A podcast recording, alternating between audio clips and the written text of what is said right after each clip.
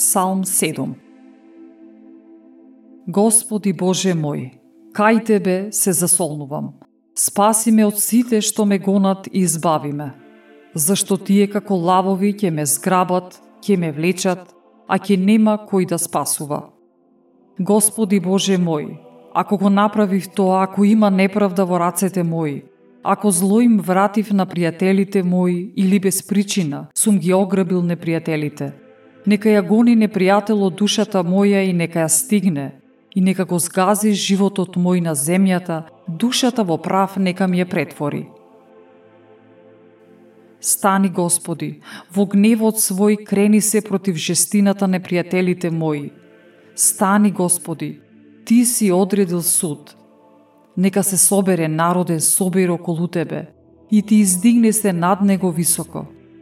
Господ им суди на народите – Суди ми, Господи, според правдата моја и според невиноста моја. Стави и крај на злобата на нечестивите, а праведниот зацврсти го. Ти, кој ги испитуваш срцата и бубрезите, праведен Боже.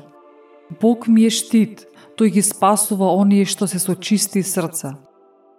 Бог е праведен судија и секојдневно предупредува.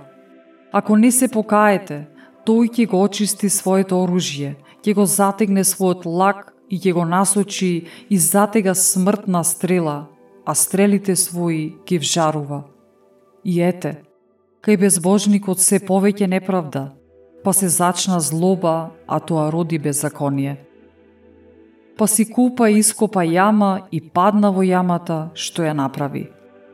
И злобата негова му падна на главата негова, а врзнеа и насилството негово слезе. Го прославувам Господа поради правдата негова и му пеам на името на Господ Севишниот.